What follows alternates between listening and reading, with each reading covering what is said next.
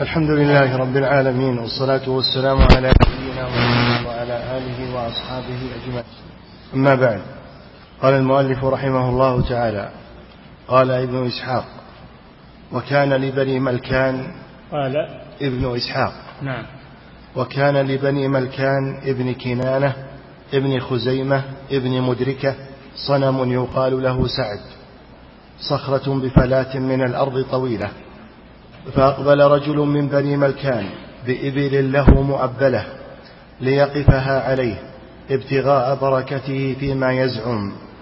فلما رأته الإبل وكان يهراق عليه الدماء نفرت منه فذهبت في كل وجه فغضب, فغضب ربها فأخذ حجرا فرماه به ثم قال لا بارك الله فيك نفرت عني إبلي. ثم خرج في طلبها حتى جمعها فلما اجتمعت له قال أتينا إلى سعد ليجمع شملنا فشتتنا سعد فلا نحن من سعدي وهل سعد إلا صخرة بتنوفة من الأرض لا تدعو لغي ولا رشد؟ بسم الله الرحمن الرحيم. الحمد لله رب العالمين وعلى آله وأصحابه أجمعين. من جملة أصنام العرب في الجاهلية هذا الصنم المسمى سعدا وكان صخرة يعبدونها ويذبحون عليها يذبحون عليها بهيمة الأنعام تقربا إليها حتى أثر ذلك فيها أثرت فيها الدماء. فصار منظرها كريها. فلما أقبل هذا الرجل بإبله ليتبرك بهذا الصنم ينزل البركة على إبله. لما رأت هذا الحجر وما عليه من الدماء نفرت وتفرقت. فقام وجمعها ثم إنه ثم إنه كسر الصنم هذا. وقال فيه هذا الشعر. نعم أعيد الشعر. فلما اجتمعت له قال أتينا إلى سعد ليجمع شملنا فشتتنا سعد فلا نحن من سعدي. إيه هذا الصنم يسمونه سعد. نعم. وهل سعد إلا صخرة بتنوفة من الأرض لا تدعو لغي ولا رشد؟ نعم. قال ابن إسحاق. فاعترف أن هذا الصخرة التي يعبدونها لا تنفع ولا تضر وإنما نفرت إبله إبله لما عليها من الدماء المشوهة لها. نعم. قال ابن إسحاق وكان عمرو بن الجموح سيدا من سادات بني سلمة نعم.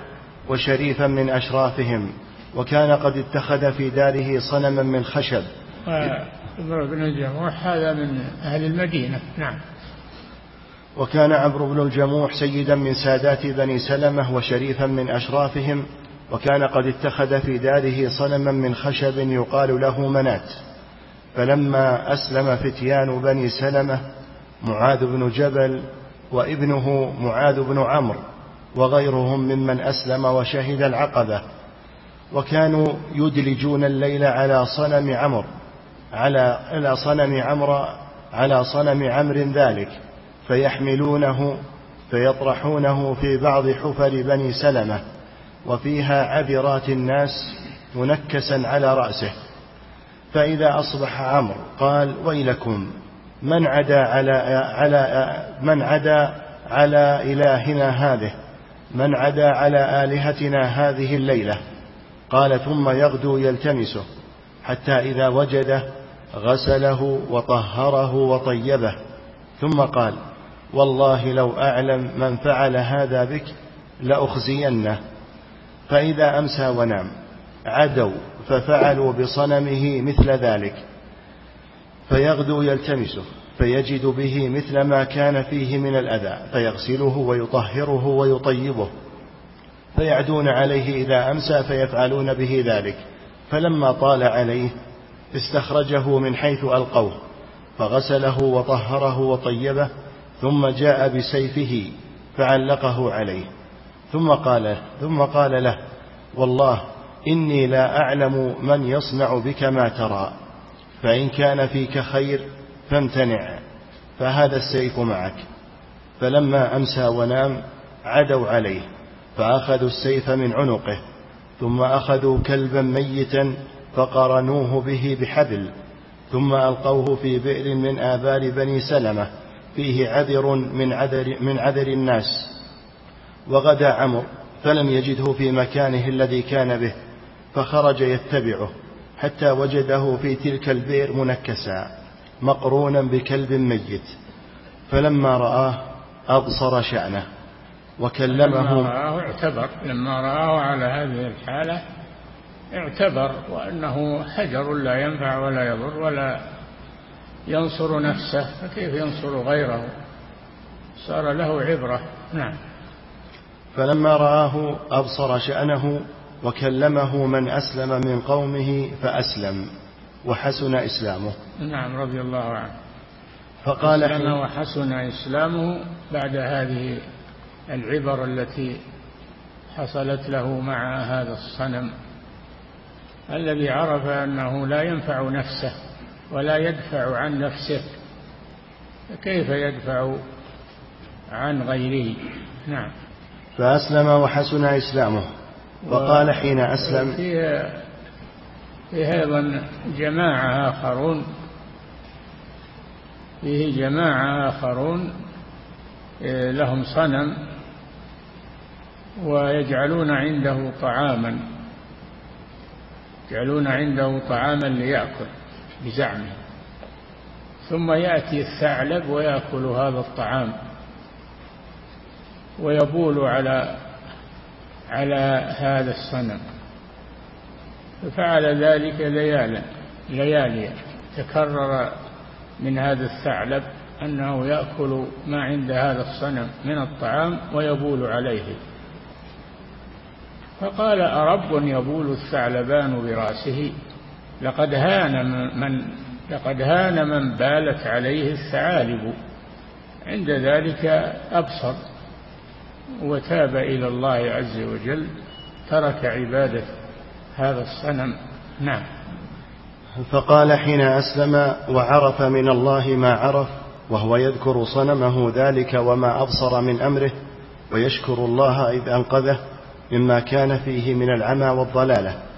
والله لو كنت إلها لم تكن أنت وكلب أنت وكلب وسط بئر في قرن. أف لملقاك إلها مستدا الآن فتشناك عن سوء الغبن الحمد لله العلي ذي المنن الواهب الرزاق ديان الدين هو الذي أنقذني هو الذي أنقذني من قبل أن أكون في ظلمة قبر مرتهن. نعم. وكان من قصة الأنصار كان اليهود مجاورين لهم في المدينة.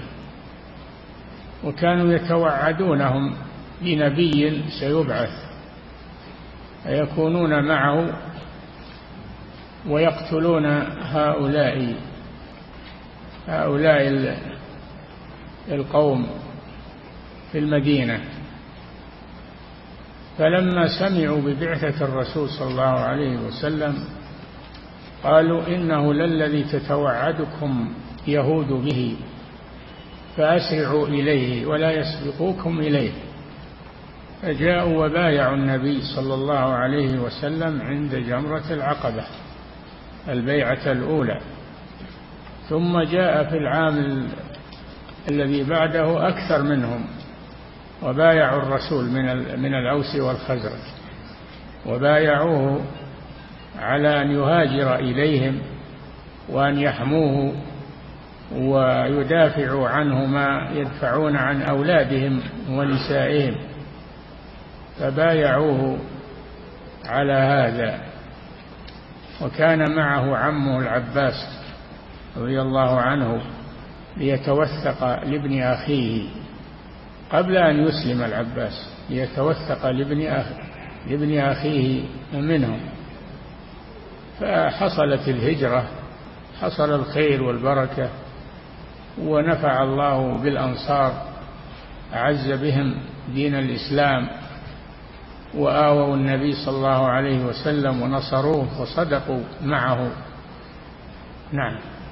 قال ابن إسحاق واتخذ أهل كل دار في دارهم صنما يعبدونه.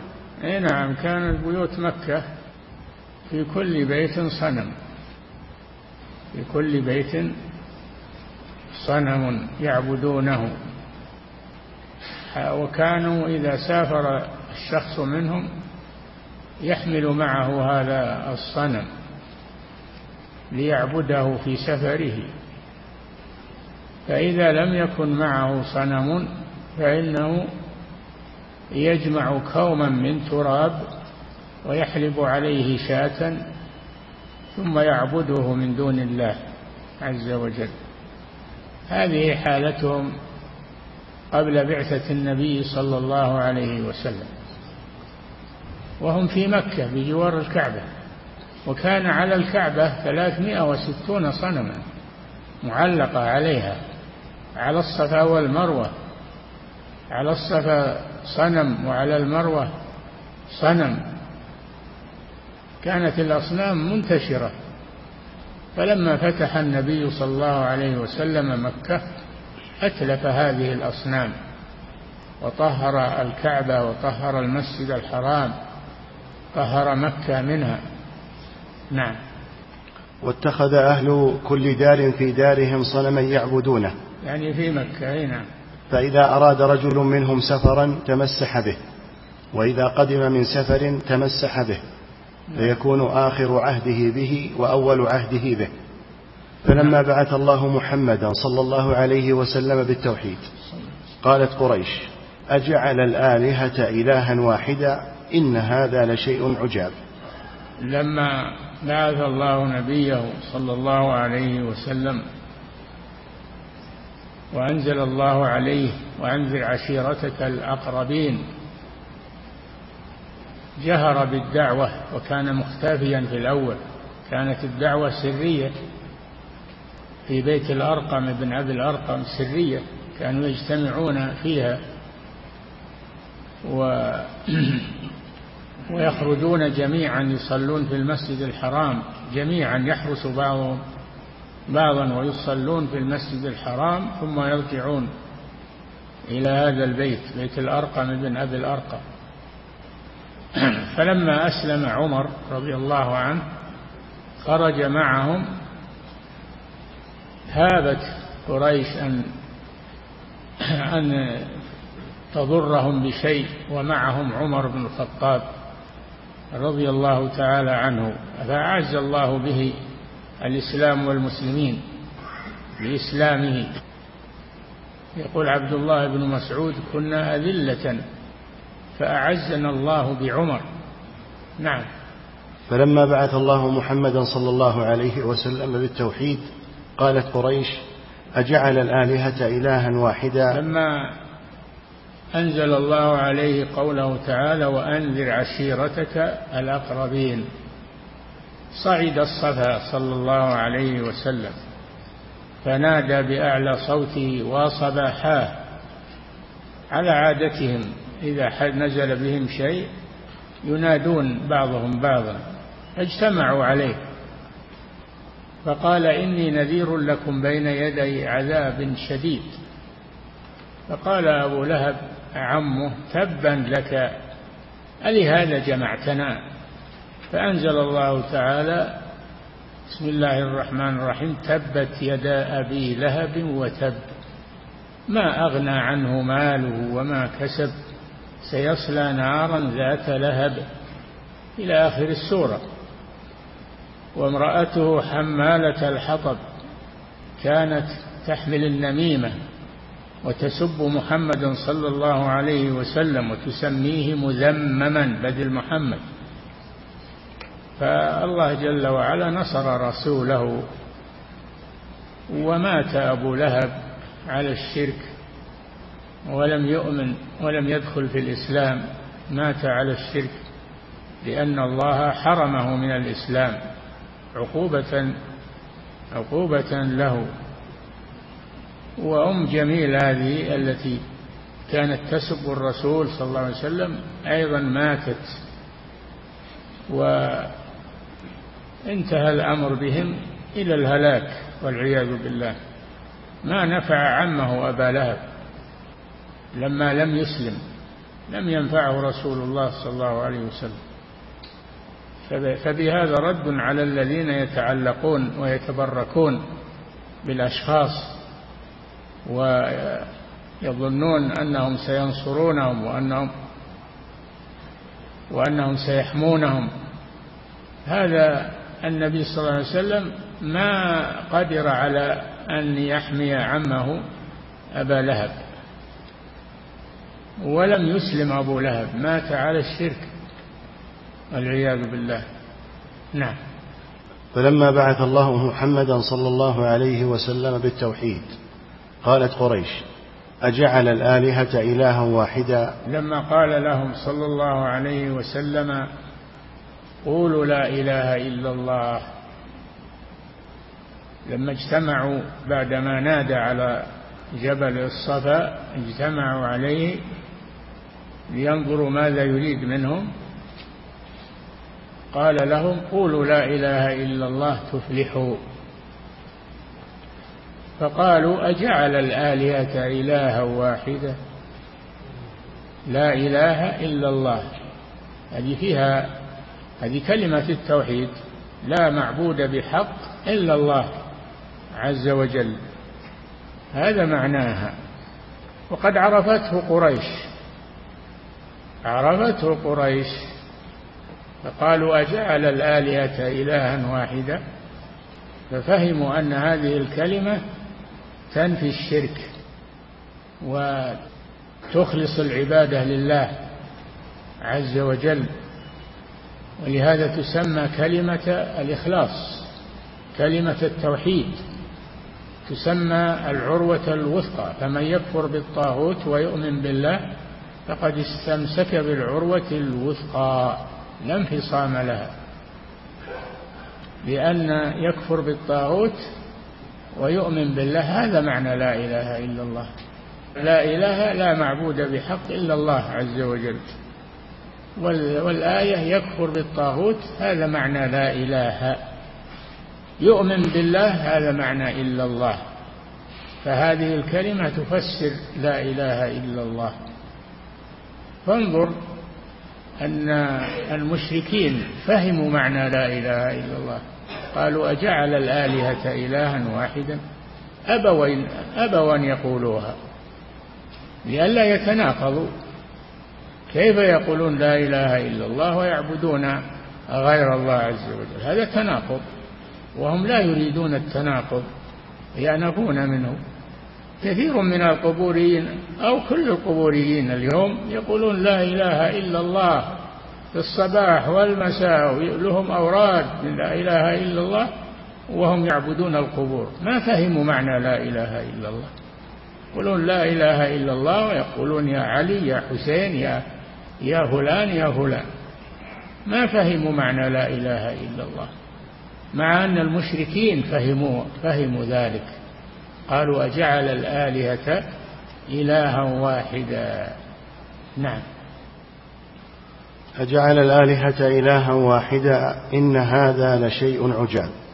إن هذا لشيء عجاب. يتعجبون من جعل الآلهة إلها واحدا. وانطلق الملأ منهم. أن امشوا واصبروا على آلهتكم. اصبروا على آلهتكم. تواصون بالصبر على الشرك. وعلى عبادة الأصنام.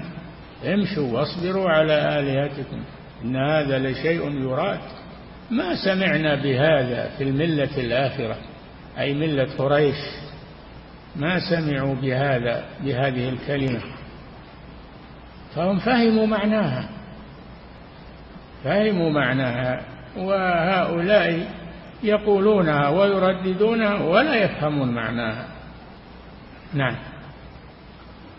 وكانت العرب قد اتخذت مع الكعبة طواغيت وهي بيوت تعظمها كتعظيم الكعبة لها سدنة وحجاب. نعم جعلوا جعلوا مضاهاة للكعبة في بلادهم جعلوا لها سدنة وجعلوا لها أوقافا عليها تضاهي الكعبة. نعم. وهي بيوت تعظمها كتعظيم الكعبة لها سدنة وحجاب ويهدى لها كما يهدى للكعبة ويطاف بها كما يطاف يهدى لها يعني يذبح عندها تهدى لها الإبل والبقر والغنم تذبح عندها كما تهدى للكعبة المشرفة كما يذبح الهدي في الحج والعمرة. نعم. ويطاف بها كما يطاف بالكعبة. نعم. وينحر عندها كما ينحر عند الكعبة. نعم. وكان الرجل إذا سافر فنزل منزلا أخذ أربعة أحجار فنظر إلى أحسنها فاتخذه ربا وجعل الثلاثة أثافيا لقدره. فإذا ارتحل تركه فإذا نزل منزلا نعم. إذا سافر الرجل منهم من المشركين من أهل مكة جمع أحجارا فنظر في أحسنها فجعله ربا يعبده وجعل البقية أثافية للقدر يطبخ عليها. نعم.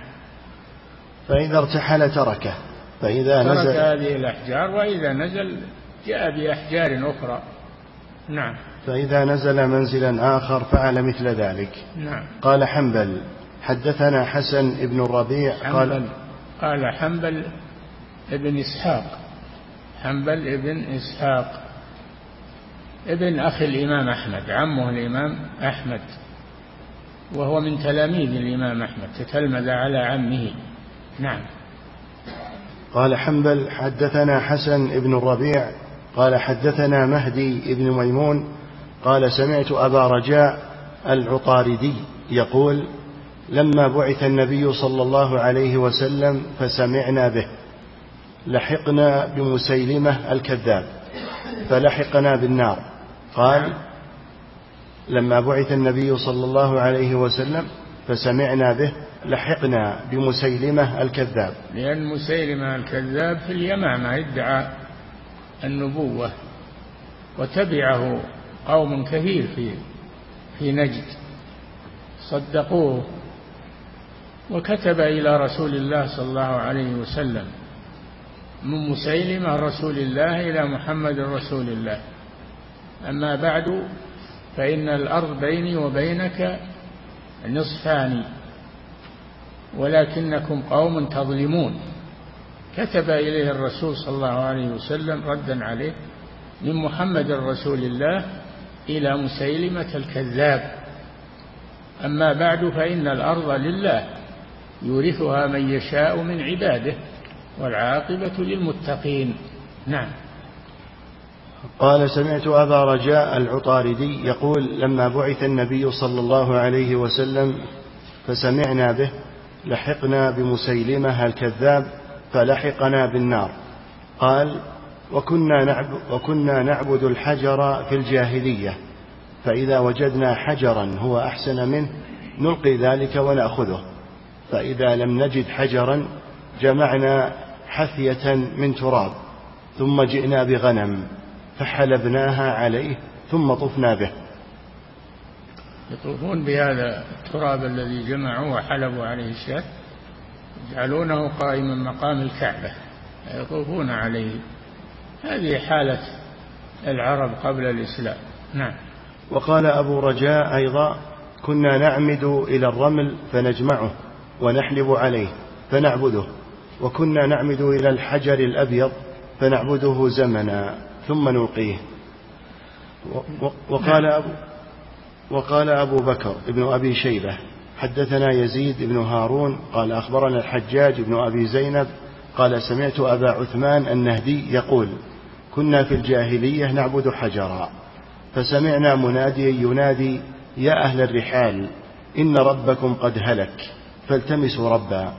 قال فخرجنا على كل صعب وذلول فبينما نحن كذلك نطلبه إذا نحن بمناد ينادي إنا قد وجدنا ربكم أو شبهه فإذا حجر فنحرنا عليه الجزر. هذه حالة العرب قبل الإسلام. نعم. وقال محمد بن سعد أخبرنا محمد بن عمر قال حدثني الحجاج بن صفوان عن ابن أبي حسين عن شهر بن حوشب عن عمرو بن عبسة قال كنت امرأ ممن عبد الحجارة. في كنت امرأ ممن عبد الحجارة. فينزل الحي ليس معهم إله فيخرج الرجل منهم فيأتي بأربعة أحجار فينصب ثلاثة لقدره ويجعل أحسنها إلها يعبده ثم لعله يجد ما هو أحسن منه. قبل أن يرتحل فيتركه ويأخذ غيره. هكذا حاله من حجر إلى حجر. نعم. ولما فتح رسول الله صلى الله عليه وسلم مكة وجد حول البيت ثلاثمائة وستين صنما فجعل يطعن بسية قوسه في وجوهها وعيونها. سيتي سيتي فجعل يطعن بسية قوسه في وجوهها وعيونها ويقول جاء الحق وزهق الباطل إن الباطل كان زهوقا وهي تتساقط على رؤوسها ثم أمر بها فأخرجت من المسجد وحرقت. لما فتح مكة صلى الله عليه وسلم طهر الكعبة من هذه الأصنام. نعم. فصل وتلاعب الشيطان بالمشركين في عبادة الأصنام له أسباب عديدة. نعم. تلاعب بكل قوم على قدر عقولهم. فطائفة. تلاعب الشيطان بكل قوم على قدر عقولهم. نعم. فطائفة دعاهم إلى عبادتها من جهة تعظيم الموتى. نعم. الذين صوروا تلك الأصنام على صورهم كما تقدم عن قوم نوح عليه السلام. نعم. ولهذا لعن النبي صلى الله عليه وسلم. المتخذين على القبور المساجد والسرج ونهى عن الصلاة إلى القبور وسأل ربه سبحانه ألا يجعل قبره وثنا يعبد. لعن نعم. المتخذين على القبور المساجد والسرج. إي نعم المساجد مصليات يصلون إليها والسرج لتعظيمها. لا يجوز إسراج المقابر. ولا يجوز أن يصلى عندها لأن هذا وسيلة إلى الشرك. وإن كان المسلم لا يصلي إلا لله لكن لا يصلي عند قبر لأن هذا فيه تشبه بالمشركين وهو وسيلة إلى الشرك. نعم. ولهذا لعن النبي صلى الله عليه وسلم المتخذين على القبور المساجد والسرج ونهى عن الصلاة إلى القبور. نعم. وسأل ربه سبحانه ألا يجعل قبره وثنا يعبد. قال صلى الله عليه وسلم اللهم لا تجعل قبري وثنا يعبد. فحمى الله قبر رسوله صلى الله عليه وسلم. دفن في حجرة عائشة فلم يصل إليه أحد. وإنما يسلمون عليه من وراء الحجر عليه الصلاة والسلام. حماية له. فأجاب يقول ابن القيم فأجاب رب العالمين دعاءه وأحاطه بثلاثة الجدران. على قبر الرسول ثلاثة جدران على شكل مثلث. من جهة الشمال مثلث. ليه؟ لئلا يستقبل أحد هذا الجدار الذي على قبر الرسول صلى الله عليه وسلم. ولا يكون أمامه جدار. إنما هو مثلث يلتقي بزاوية. هذا من الحكمة في جعله هكذا لئلا يعبد. أحاطه بثلاثة الجدران. فغدت أرجاؤه بدعائه في عزة ومنعة وصيان. نعم. ونهى صلى الله عليه وسلم أمته أن يتخذوا قبره عيدا. لا تتخذوا قبري عيدا. يعني عيد مكاني لا تجتمعوا عند القبر. سلموا ما تجتمعون عنده تقفون عنده للدعاء. ما يجوز هذا. سلم على الرسول صلى الله عليه وسلم وإذا أردت أن تدعو فروح في ناحية من مسجد الرسول وادعو الله وصلي. لا يكون هذا عند القبر. نعم. حماية للتوحيد. نعم. وقال صلى الله عليه وسلم اشتد غضب الله على قوم اتخذوا قبور أنبيائهم مساجد. لما حضرته الوفاة صلى الله عليه وسلم آه، وهو يقاسي من من سكرات الموت وهو يقول اشتد غضب الله على قوم اتخذوا قبور أنبيائهم مساجد. يحذر ما صنعه المشركون أن يفعلوا بقبره مثل ما فعل المشركون بقبور الأنبياء عليه الصلاة والسلام. لم يشغله الموت وسكرات الموت عن النصيحة لأمته صلى الله عليه وسلم. نعم. وأمر صلى الله عليه وسلم بتسوية القبور. تسوية القبور يعني عدم رفعها. ترفع يرفع القبر قد عن الأرض قدر شبر. قدر شبر. ولا يرفع أكثر من ذلك ويكون مسنما لأجل ينزل الماء عنه ولا يجتمع فوقه. يكون مسنما وقدر شبر هكذا قبور المسلمين.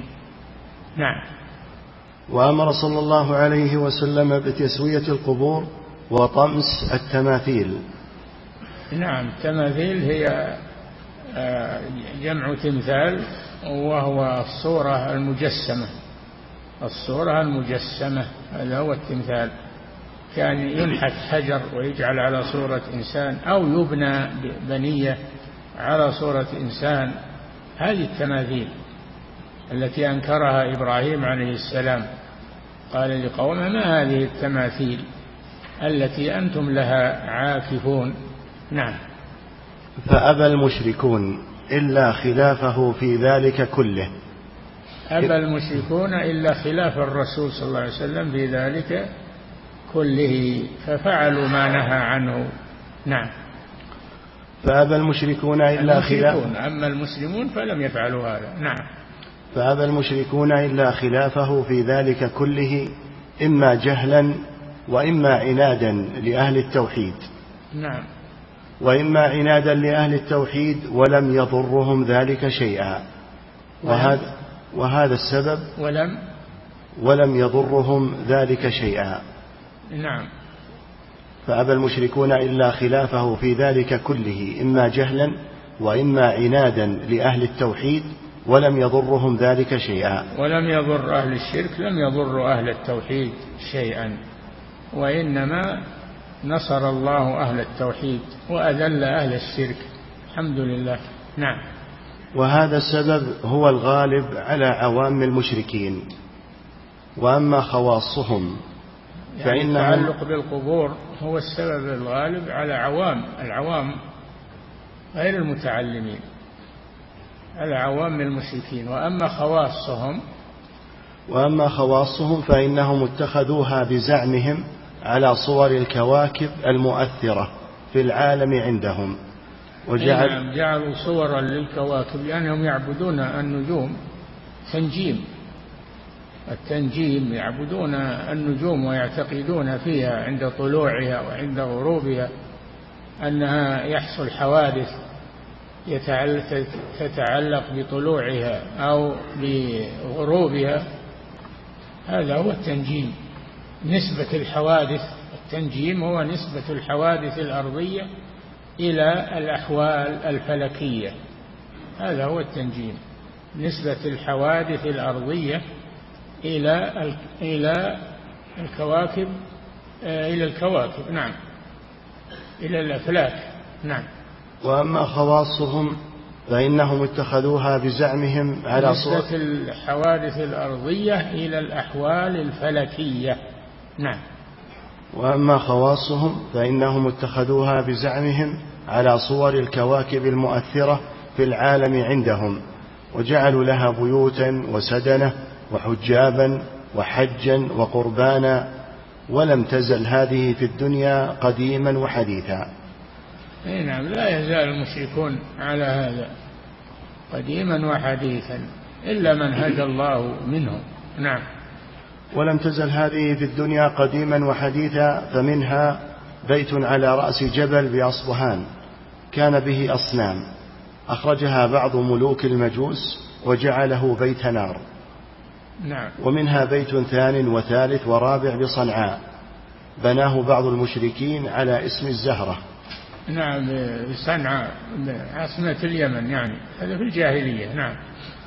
بناه بعض المشركين على اسم الزهرة فخربه عثمان بن عفان رضي الله تعالى عنه.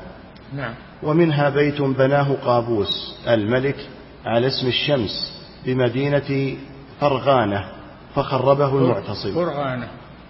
بمدينة فرغانة نعم. فخربه المعتصم. وأشد العباسي. نعم. وأشد الأمم في هذا النوع من الشرك الهند. قال يحيى. ولا يزال في الهند لا يزال الشرك والعياذ بالله. نعم.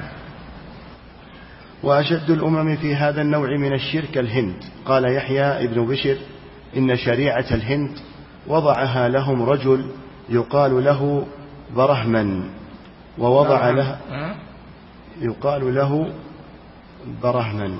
برهمنين. ووضع له ووضع لهم أصناما وجعل أعظم بيوت. البراهمة اللي يسمون البراهمة الآن في الهند. نعم.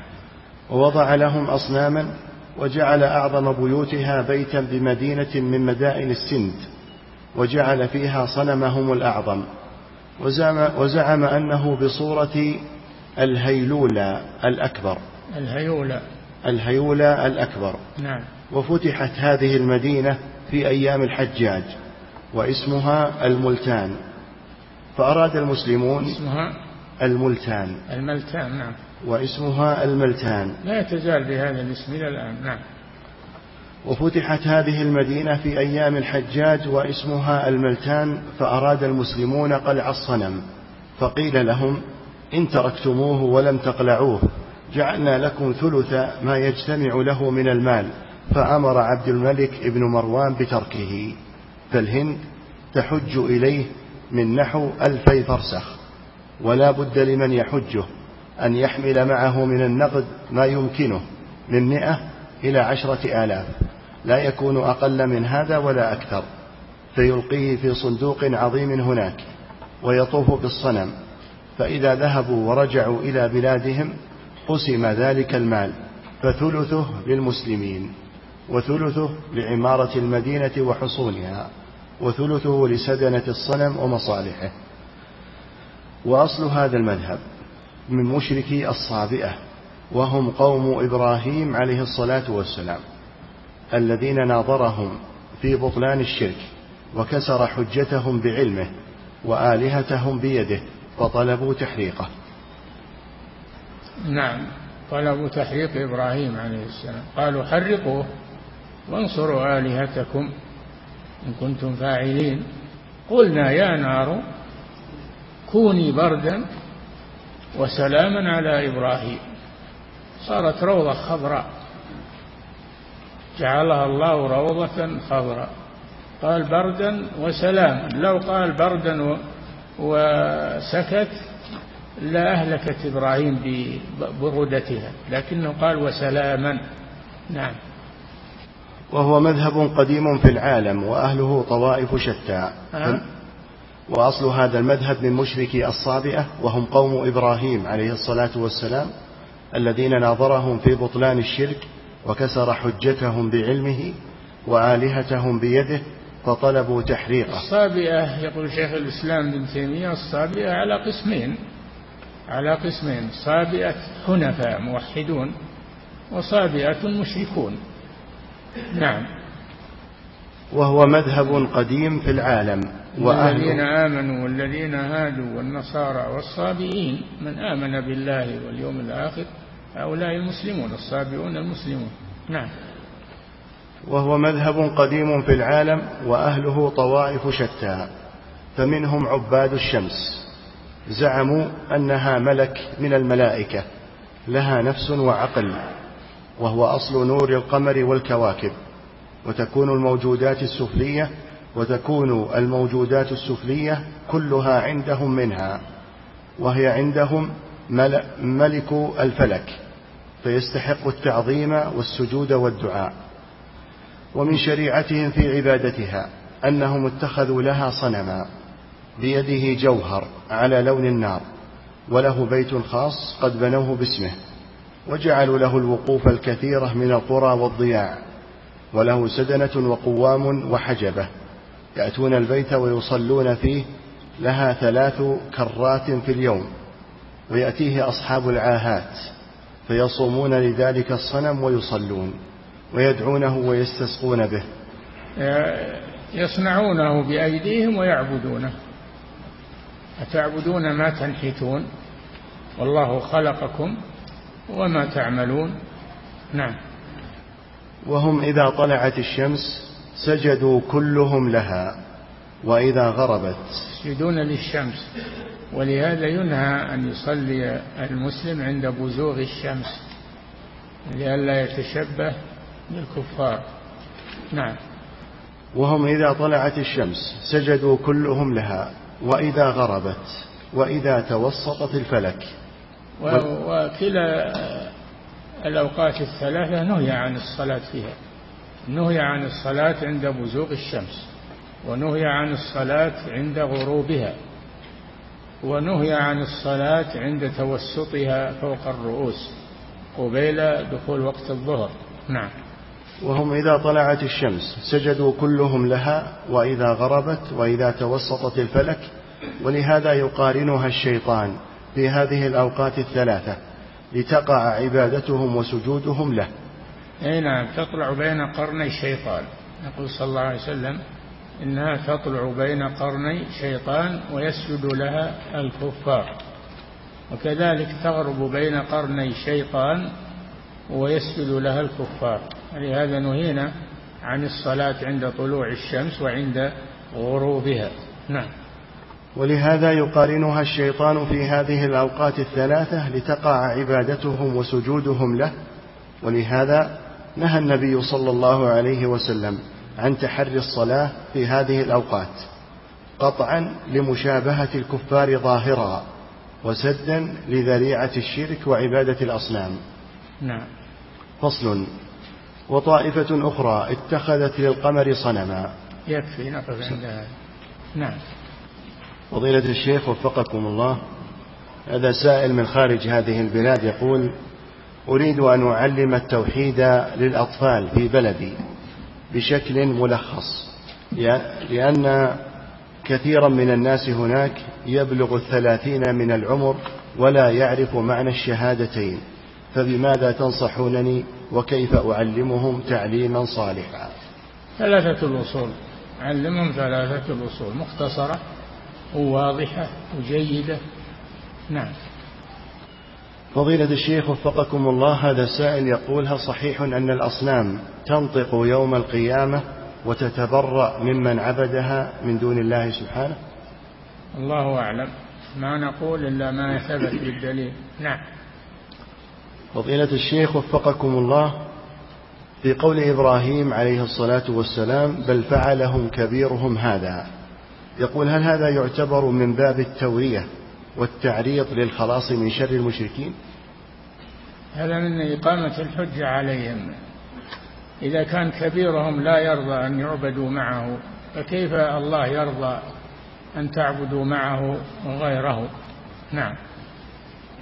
فضيلة الشيخ وفقكم الله هذا سائل يقول عباد الأصنام هل هم يعبدونها مع الله سبحانه وتعالى فيكونون مشركين؟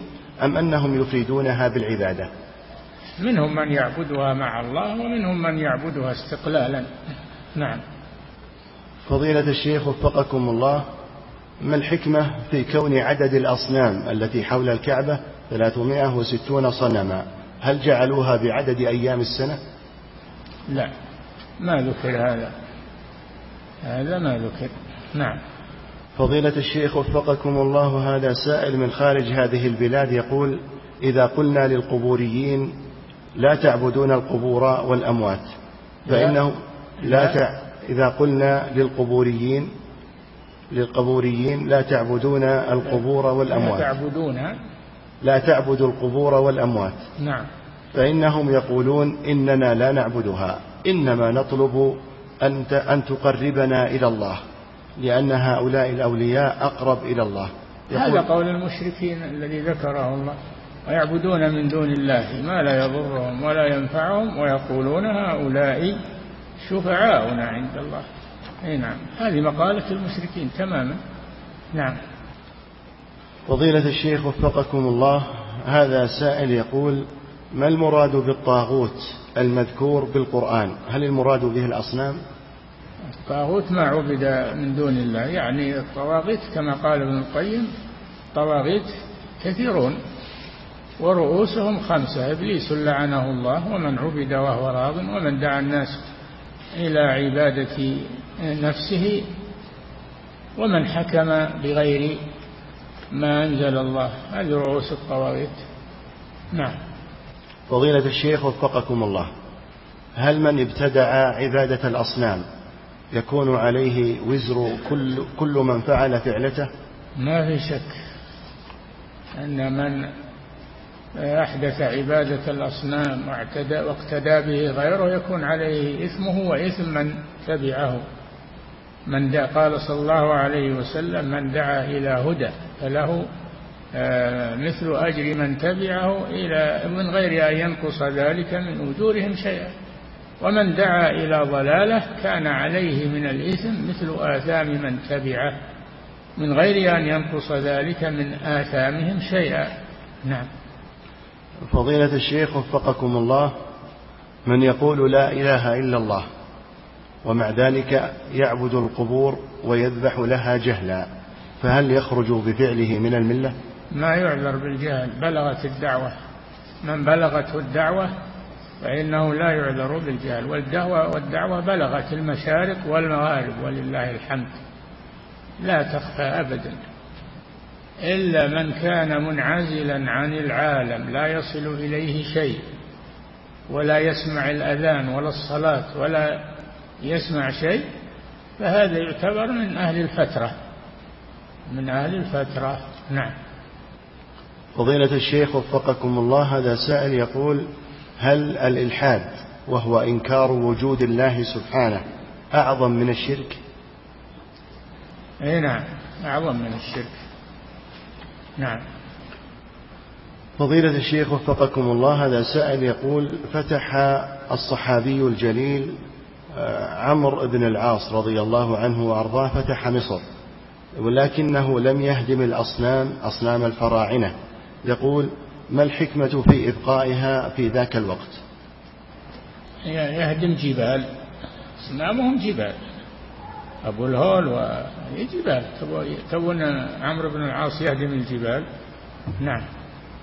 فضيلة الشيخ وفقكم الله.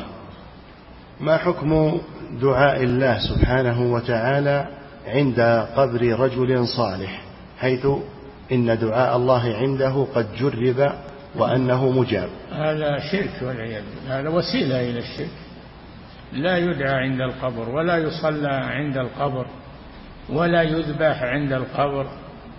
كل هذه من وإن كان اللي يفعل هذا لا يقصد إلا الله لكن وجوده عند القبر وسيلة إلى الشرك. ولو فيما بعد. نعم. فضيلة الشيخ وفقكم الله. هذا سائل يقول لماذا سمي إبراهيم عليه الصلاة والسلام بالحنيف؟ حنيف هو المقبل على الله المعرض عما سواه هذا الحنيف. المقبل على الله المعرض عما سواه. نعم. فضيلة الشيخ وفقكم الله هذا سائل يقول كيف يكون طمس التمثال؟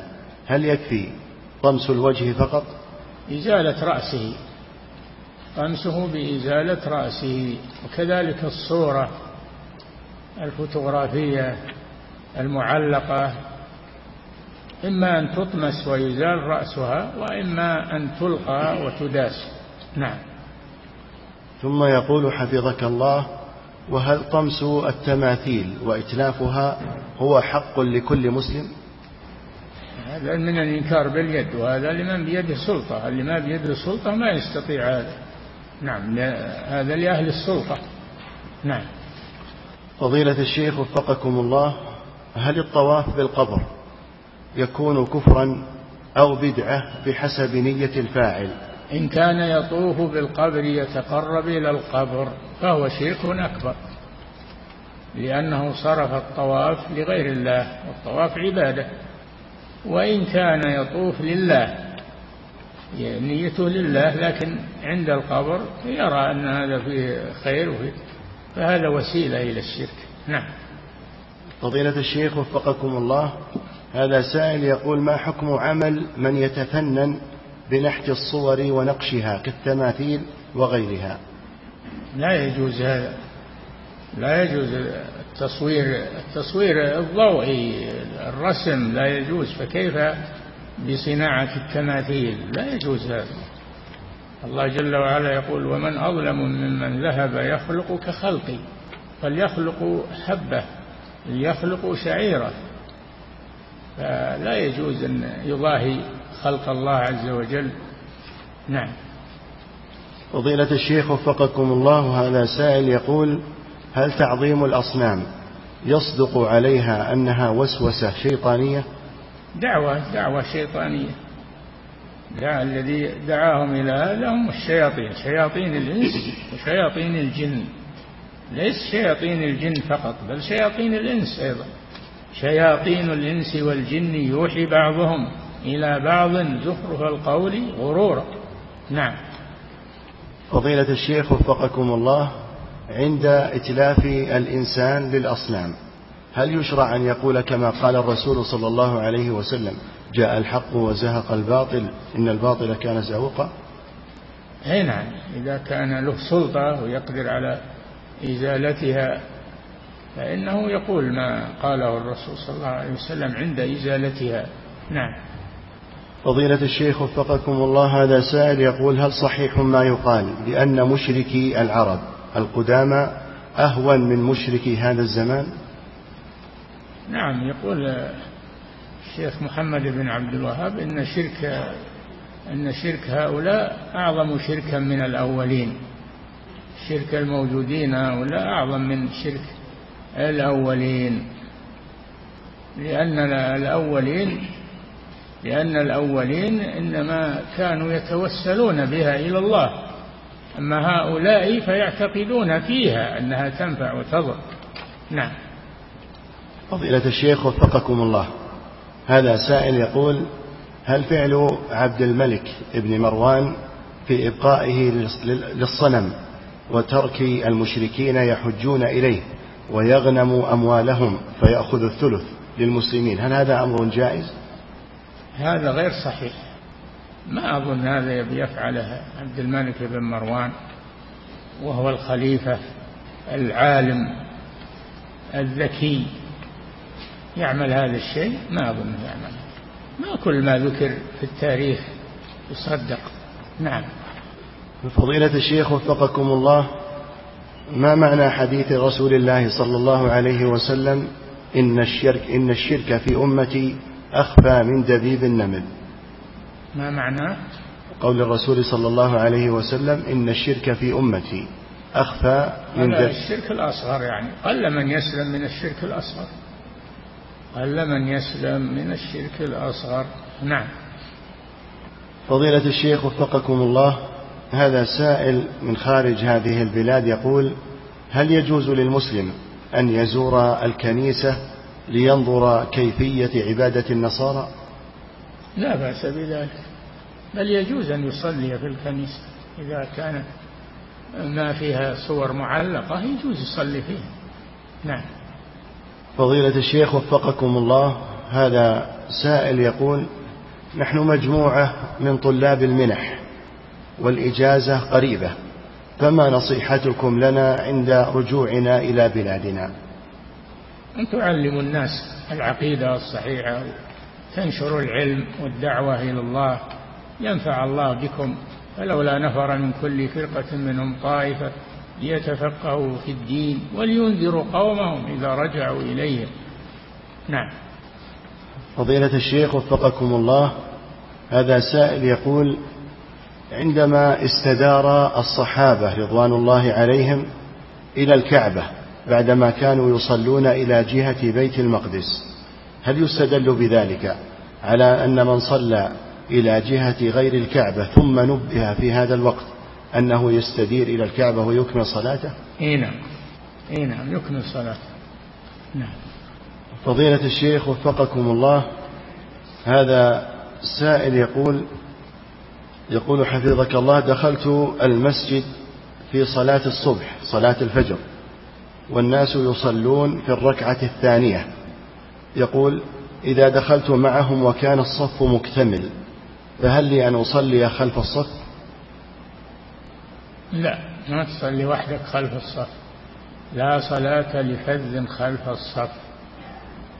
ورأى صلى الله عليه وسلم رجلا يصلي وحده خلف الصف فأمره أن يعيد الصلاة.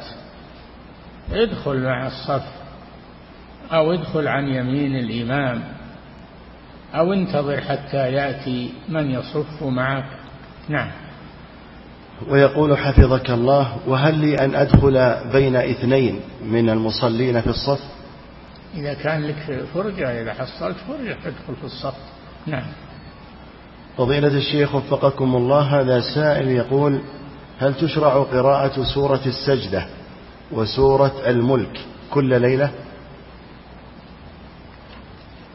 لا أعلم شيء من هذا. قراءة السجدة هذه يوم الجمعة تقرأ في فجر يوم. الجمعة. أما سورة الملك نعم تقرأ لأنها الواقية من عذاب القبر. تقرأ في كل ليلة أو في بعض الليالي. نعم. فضيلة الشيخ وفقكم الله هذا سائل يقول أنا مأموم وقد نسيت أن أذكر ذكر السجود سبحان ربي الأعلى. فهل علي سجود وأنا مأموم للسهو؟ وأنا؟ وأنا مأموم. نسي أن يقول سبحان ربي يتحمله عنك الإمام. سجود السهو يتحمله الإمام عمن خلفه. نعم. فضيلة الشيخ وفقكم الله هذا هذه امرأة تسأل فتقول امرأة حملت بعد ارتكابها لفاحشة الزنا عياذا بالله فهل لها؟ الحق في أن تسقط هذا الجنين؟ لا يجوز هذا. تجمع بين جريمتين زنا وجناية على الحمل ما يجوز لها هذا. نعم. فضيلة الشيخ وفقكم الله هذا سائل يقول هل ورد حديث عن رسول الله صلى الله عليه وسلم أنه قال الدنيا ملعونة ملعون ما فيها؟ اي نعم ورد هذا وهو صحيح. والمراد باللعن الذم يعني مذمومة. ملعونة يعني مذمومة. نعم. فضيلة الشيخ وفقكم الله هذا سائل يقول هل غسيل الكلى يفطر الصائم خصوصا إذا كان المريض مستطيعا للصيام؟ نعم نعم. يفطر الصائم لأن معه أدوية ومعه آه، ومعه أيضا آه، سوائل. تدخل في الجسم. نعم. فضيلة الشيخ وفقكم الله. هذا سائل يقول أنا رجل بعيد عن أهلي وفي بعض الأحيان يتلاعب بي الشيطان فأقع في العادة السرية. يقول ما حكم هذه العادة وما نصيحتكم لي في هذا الأمر؟ العادة حرام وأيضا هي ضارة. حرام وهي ضارة تضرك. فتجنبها قال الله جل وعلا والذين هم لفروجهم حافظون إلا على أزواجهم أو ما ملكت أيمانهم. هذا من العدوان؟ لأنه ليس في زوجة ولا ملك يمين فهو حرام. نعم عدوان أيضا. نعم. فضيلة الشيخ وفقكم الله. هذا سائل من خارج هذه البلاد يقول أعمل مدرسا للغة العربية في مدرسة فيها اختلاط وتحوي على مقررات عن سيرة المغنين وغيرهم. والدي يهددني بعدم الرضا عني إن تركت هذا العمل في هذه المدرسة لقلة الوظائف. ما نصيحتكم لي في ذلك؟ نصيحتنا لا طاعة لمخلوق في معصية الخالق ولو هو أبوه. لا تطعه في المنكر. نعم. فضيلة الشيخ وفقكم الله. هذه امرأة تسأل فتقول هل تصح قراءة الأدعية الواردة في القرآن للمرأة التي عليها حيض أو نفاس؟ هل؟ هل يصح قراءة الأدعية الواردة في القرآن للمرأة التي تكون في الحيض أو في النفاس؟ إذا لم تقصد التلاوة لا بأس تقصد الذكر ما في مانع. نعم. فضيلة الشيخ وفقكم الله هذا سائل يقول كفارة المجلس هل يشرع قولها حتى ولو كان الإنسان في مجلس علم؟ إي نعم. عامة. عامة. لأنه إن كان مجلس علم وخير يكون طابع عليه كالطابع عليه يعني ختم عليه يختم عليه. ولا يضيع منه شيء. وإن كان مجلس له ولعب ذا فهي كفارة. نعم. فضيلة الشيخ وفقكم الله امرأة طلقها زوجها وسجلت في الضمان الاجتماعي وبعد فترة رجعت في أثناء العدة إلى زوجها علما بأن صك الطلاق معها وتراجع به الدوائر وما زالت تأخذ الضمان على أنها مطلقة. سؤالها هل ما تأخذه من الأموال جائز؟ لا ما هو جائز. هذا حرام. هي في كفالة زوج والزوج ينفق عليها وزال السبب الذي من أجله تأخذ الضمان. نعم. فضيلة الشيخ وفقكم الله هذا سائل يقول من كان مسافرا فهل يشرع له أن يصلي مع الجماعة في المسجد؟ اي نعم إذا كان يسمع الأذان قريبا منه مسجد فلا يجوز له أن يصلي في منزله بل يذهب يصلي مع الجماعة. من سمع النداء فلم يأته فلا صلاة له إلا من عذر. نعم. فضيلة الشيخ وفقكم الله هذا سائل يقول بعض الناس يقوم بالصلاة على الجنازة في المسجد قبل صلاة الإمام عليها. فهل هذا أمر مشروع؟ لا ما هو مشروع هذا افتيات على الإمام على إمام المسجد. ما يصلي على الجنازة أحد قبله. نعم. فضيلة الشيخ وفقكم الله هذا سائل يقول وهذا صدر فيه فتوى من اللجنة الدائمة. في أناس يتتبعون المساجد يصلون على الجناية الجنايز ويطلعون يروح المسجد الثاني. صدر فتوى بأن هذا ممنوع ولا يجوز. نعم. فضيلة الشيخ وفقكم الله هذا سائل يقول عندي صديق يقول بأن الأغاني والموسيقى هي مسألة اجتهادية بين العلماء وأن فيها خلافا قويا. فهل ما يذكره صحيح؟ الخلاف ما يبرر الحرام. أن تنظر للدليل اللي معه الدليل اتبعه ولا تقول المسألة فيها خلاف وجائزة لا. خلاف ما ما يبرر لك إنك تأخذ الحرام. نعم. فضيلة الشيخ وفقكم الله هذا سائل يقول هل للعمرة في شهر رجب مزية في الشرع؟ لا ليس لها مزية ولا يعمل في شهر رجب شيء. ما يعمل فيه شيء خاص به. نعم. فضيلة الشيخ وفقكم الله وهذا سائل يقول هل ثبت أن الإسراء والمعراج؟ ها؟ هل ثبت أن الإسراء والمعراج كان في شهر رجب؟ لا. ما ثبت نعم. فضيلة الشيخ وفقكم الله هذا سائل يقول بعض الناس ذكر بأنه يجوز أن تسأل الوسيلة عند قبر النبي صلى الله عليه وسلم ثم تدعو ونسبه إلى بعض الآئمة فهل ما يذكرونه صحيح؟ كيف؟ بعض الناس ذكر بأنه يجوز أن تسأل الوسيلة عند قبر النبي صلى الله عليه وسلم ما يجوز الدعاء عند قبر النبي صلى الله عليه وسلم. تسلم عليه وتمشي. وإذا أردت الدعاء تروح بناحية من المسجد وتدعو الله عز وجل. نعم. فضيلة الشيخ وفقكم الله هذا سائل يقول عندنا إمام يقرأ في صلاة الفجر يوم الجمعة سورة الإنسان ويقسمها بين الركعتين فهل فعله هذا مشروع؟ لا. ما ورد هذا اللي ورد أن تقرأ في الأولى سورة السجدة وفي الثانية سورة الإنسان كاملة كاملتين. نعم.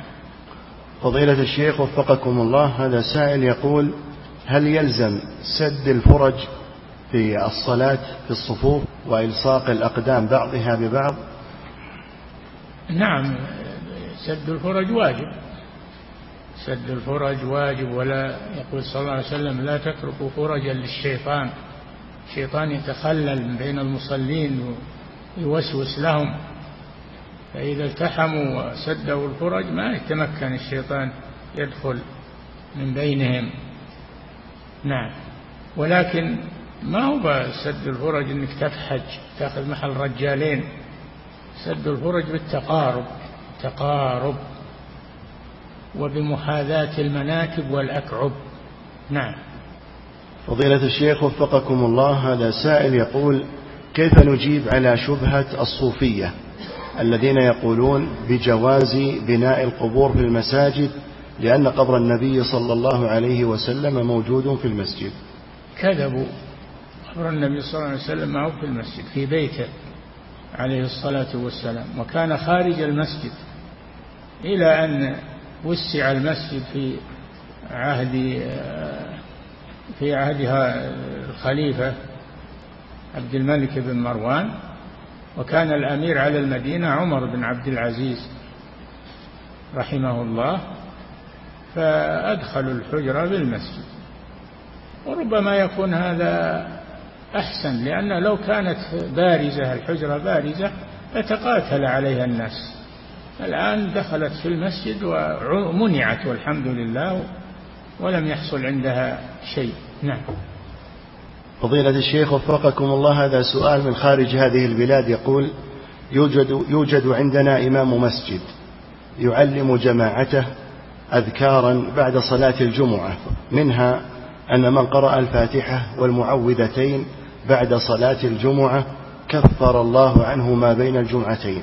وكان معصوما. هذا كذب. هذا كذب ولم يرد. نعم. فضيلة الشيخ وفقكم الله هذا سائل يقول من كتم توبته من الكفر والشرك خوفا من قومه ثم مات فهل يصلى عليه؟ إذا علمتم أنه أنه مسلم صلوا عليه. صلوا عليه. نعم. فضيلة الشيخ وفقكم الله هذا سائل يقول أطفال المشركين المقلدين لآبائهم في عبادة الأصنام. إذا ماتوا صغارا فما هو حكمهم في الآخرة؟ وهل ورد شيء في ذلك؟ تبع لآبائهم. أطفال المشركين تبع لآبائهم. نعم. فضيلة الشيخ وفقكم الله هذا سائل يقول هل عباد الأصنام يصح تسميتهم بالوثنيين؟ إي نعم الأصنام هي الأوثان. نعم.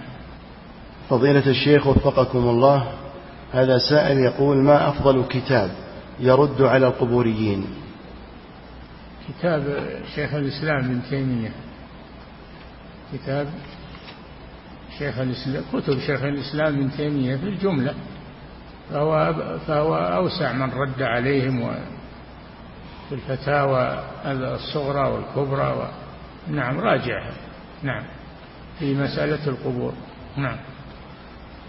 فضيلة الشيخ وفقكم الله هذا سائل يقول ما تفسير كلمة في اقتضاء الصراط المستقيم أيضا فيه رد عليهم اقتضاء الصراط المستقيم مخالفة أصحاب الجحيم. نعم. فضيلة الشيخ وفقكم الله ما تفسير قوله سبحانه يؤتي الحكمة من يشاء ومن يؤت الحكمة فقد أوتي خيرا كثيرا؟ ما المراد بالحكمة؟ حكمة الفقه. الحكمة الفقه في دين الله. نعم. فضيلة الشيخ وفقكم الله في قوله عز وجل وآخرون اعترفوا بذنوبهم خلطوا عملا صالحا وآخر سيئا. ما المراد بالاعتراف بالذنب؟ هل هو أن يجاهر به ويخبر به؟ هؤلاء الذين تخلفوا عن تخلفوا عن الرسول صلى الله عليه وسلم في غزوة تبوك. قال وآخرون اعترفوا بذنوبهم. خلطوا عملا صالحا وآخر سيئا عسى الله أن يتوب عليهم. نعم.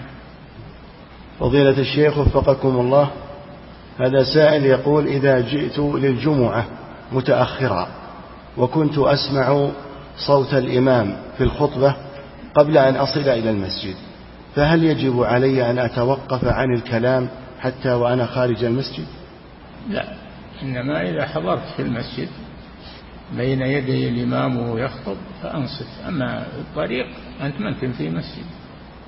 نعم. فضيلة الشيخ وفقكم الله هذا سائل يقول ما حكم من يترك العمل الصالح خوفا من الرياء؟ هذا لا يجوز. ترك العمل لأجل الناس شرك.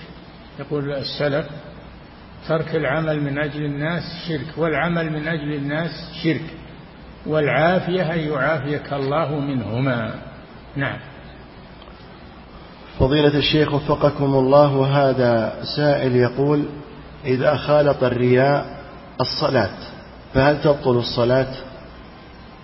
إن كان يسيرا لا تبطل أما إن كان كثيرا ولم يحضر قلبه فيها هي تجزي في الظاهر لكنها لا تجزي في الباطن. نعم. ما يؤمر بالإعادة لأنه صلى. ولكن عند الله لا يكون له من الأجر إلا قدر ما حضر قلبه فيه. خشع مع الله عز وجل. نعم.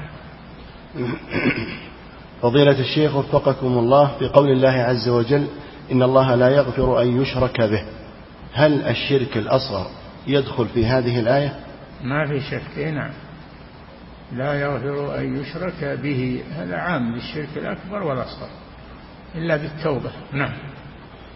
فضيلة الشيخ وفقكم الله هذا سائل يقول من اعتقد أن هناك من يعلم بعض الغيب فهل يعتبر مشرك بهذا الأمر؟ يعتبر كافرا. يعتبر كافرا. لأن من ادعى علم الغيب فهو كافر. ومن صدقه فهو كافر أيضا. عالم الغيب فلا يظهر على غيبه أحدا إلا من ارتضى من رسول. نعم. فضيلة الشيخ وفقكم الله هذا سائل يقول من قدر على الوصال في الصوم إلى السحر فهل يجوز له ذلك؟ نعم يجوز له ذلك ولكن الأفضل أنه لا يواصل إنما يفطر. يفطر عند غروب الشمس والحمد لله. نعم. فضيلة الشيخ وفقكم الله هذا سائل يقول أحب عبادي إلي أعجلهم فطرا في الحديث القدسي. نعم. فضيلة الشيخ وفقكم الله هذا سائل يقول هل يصح الفصل الطويل بين الطواف والسعي سواء كان لحاجة أو لغير حاجة؟ لا بأس بذلك لا بأس بذلك. نعم. فضيلة الشيخ وفقكم الله هذا سائل يقول هل لا بد من دلك الذراعين في الوضوء وكذلك دلك الرجلين؟ المطلوب الإسباغ وأن يعم الماء كل العضو فإن دلكه فهذا أفضل وإن لم يدلكه يكفي جريان الماء على العضو بدون دلك. نعم. انتهى. الله تعالى أعلم وصلى الله وسلم على نبينا محمد.